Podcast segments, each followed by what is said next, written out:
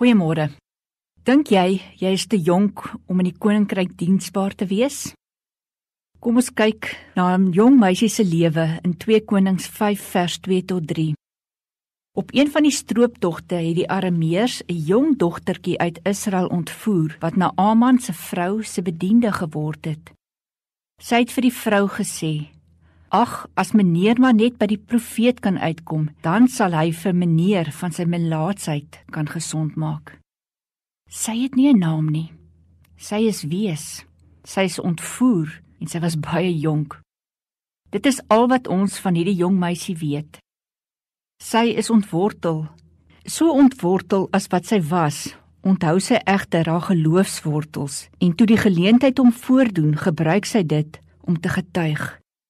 Sy het nie in 'n bondel gaan sit en huil omdat sy ontvoer is nie en het sy nie alle rede daartoe gehad nie. Maar toe haar ontvoerders 'n krisis beleef het, het sy aangebied om te help. As sy vandag geleef het, sou sy beslis beroemd geword het, want iemand wat soveel moed en oortuiging aan die dag lê om in die vreemde as 'n ontvoerde steeds te getuig en die geleentheid vir jou geloof te benut, sal beslis die voorblaaie haal. Veral in 'n wêreld waarin ons so half maklik beskroomd oor ons geloof is.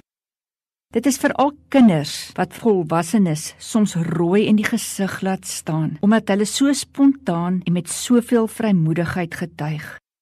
Rus jou kind toe om van jongs af die verlossing van Jesus te getuig en die wêreld met God se liefde te bereik. Dit kan 'n groot verskil maak. Niemand is ooit te jonk nie. En as jy wat jonk is ver oggend luister, moenie skaam wees vir jou geloof nie. Praat daaroor. Leef dit uit. Bemoedig iemand wat by die skool dalk is of wat hulp nodig het. Jy sal sien, dit kan 'n groot verskil maak. Here, Ek dink soms dat kinders gesien en nie gehoor moet word nie. Ek is altyd haastig en luister nie altyd wat hulle sê nie. Of Here, ek is jonk en ek is bang.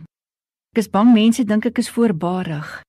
Gee my die moed van 'n oortuiging soos hierdie dogtertjie wat eintlik heeltemal uit haar omgewing was, maar tog het sy gedoen wat sy oortuig was sy moes doen en sy het 'n verskil gemaak.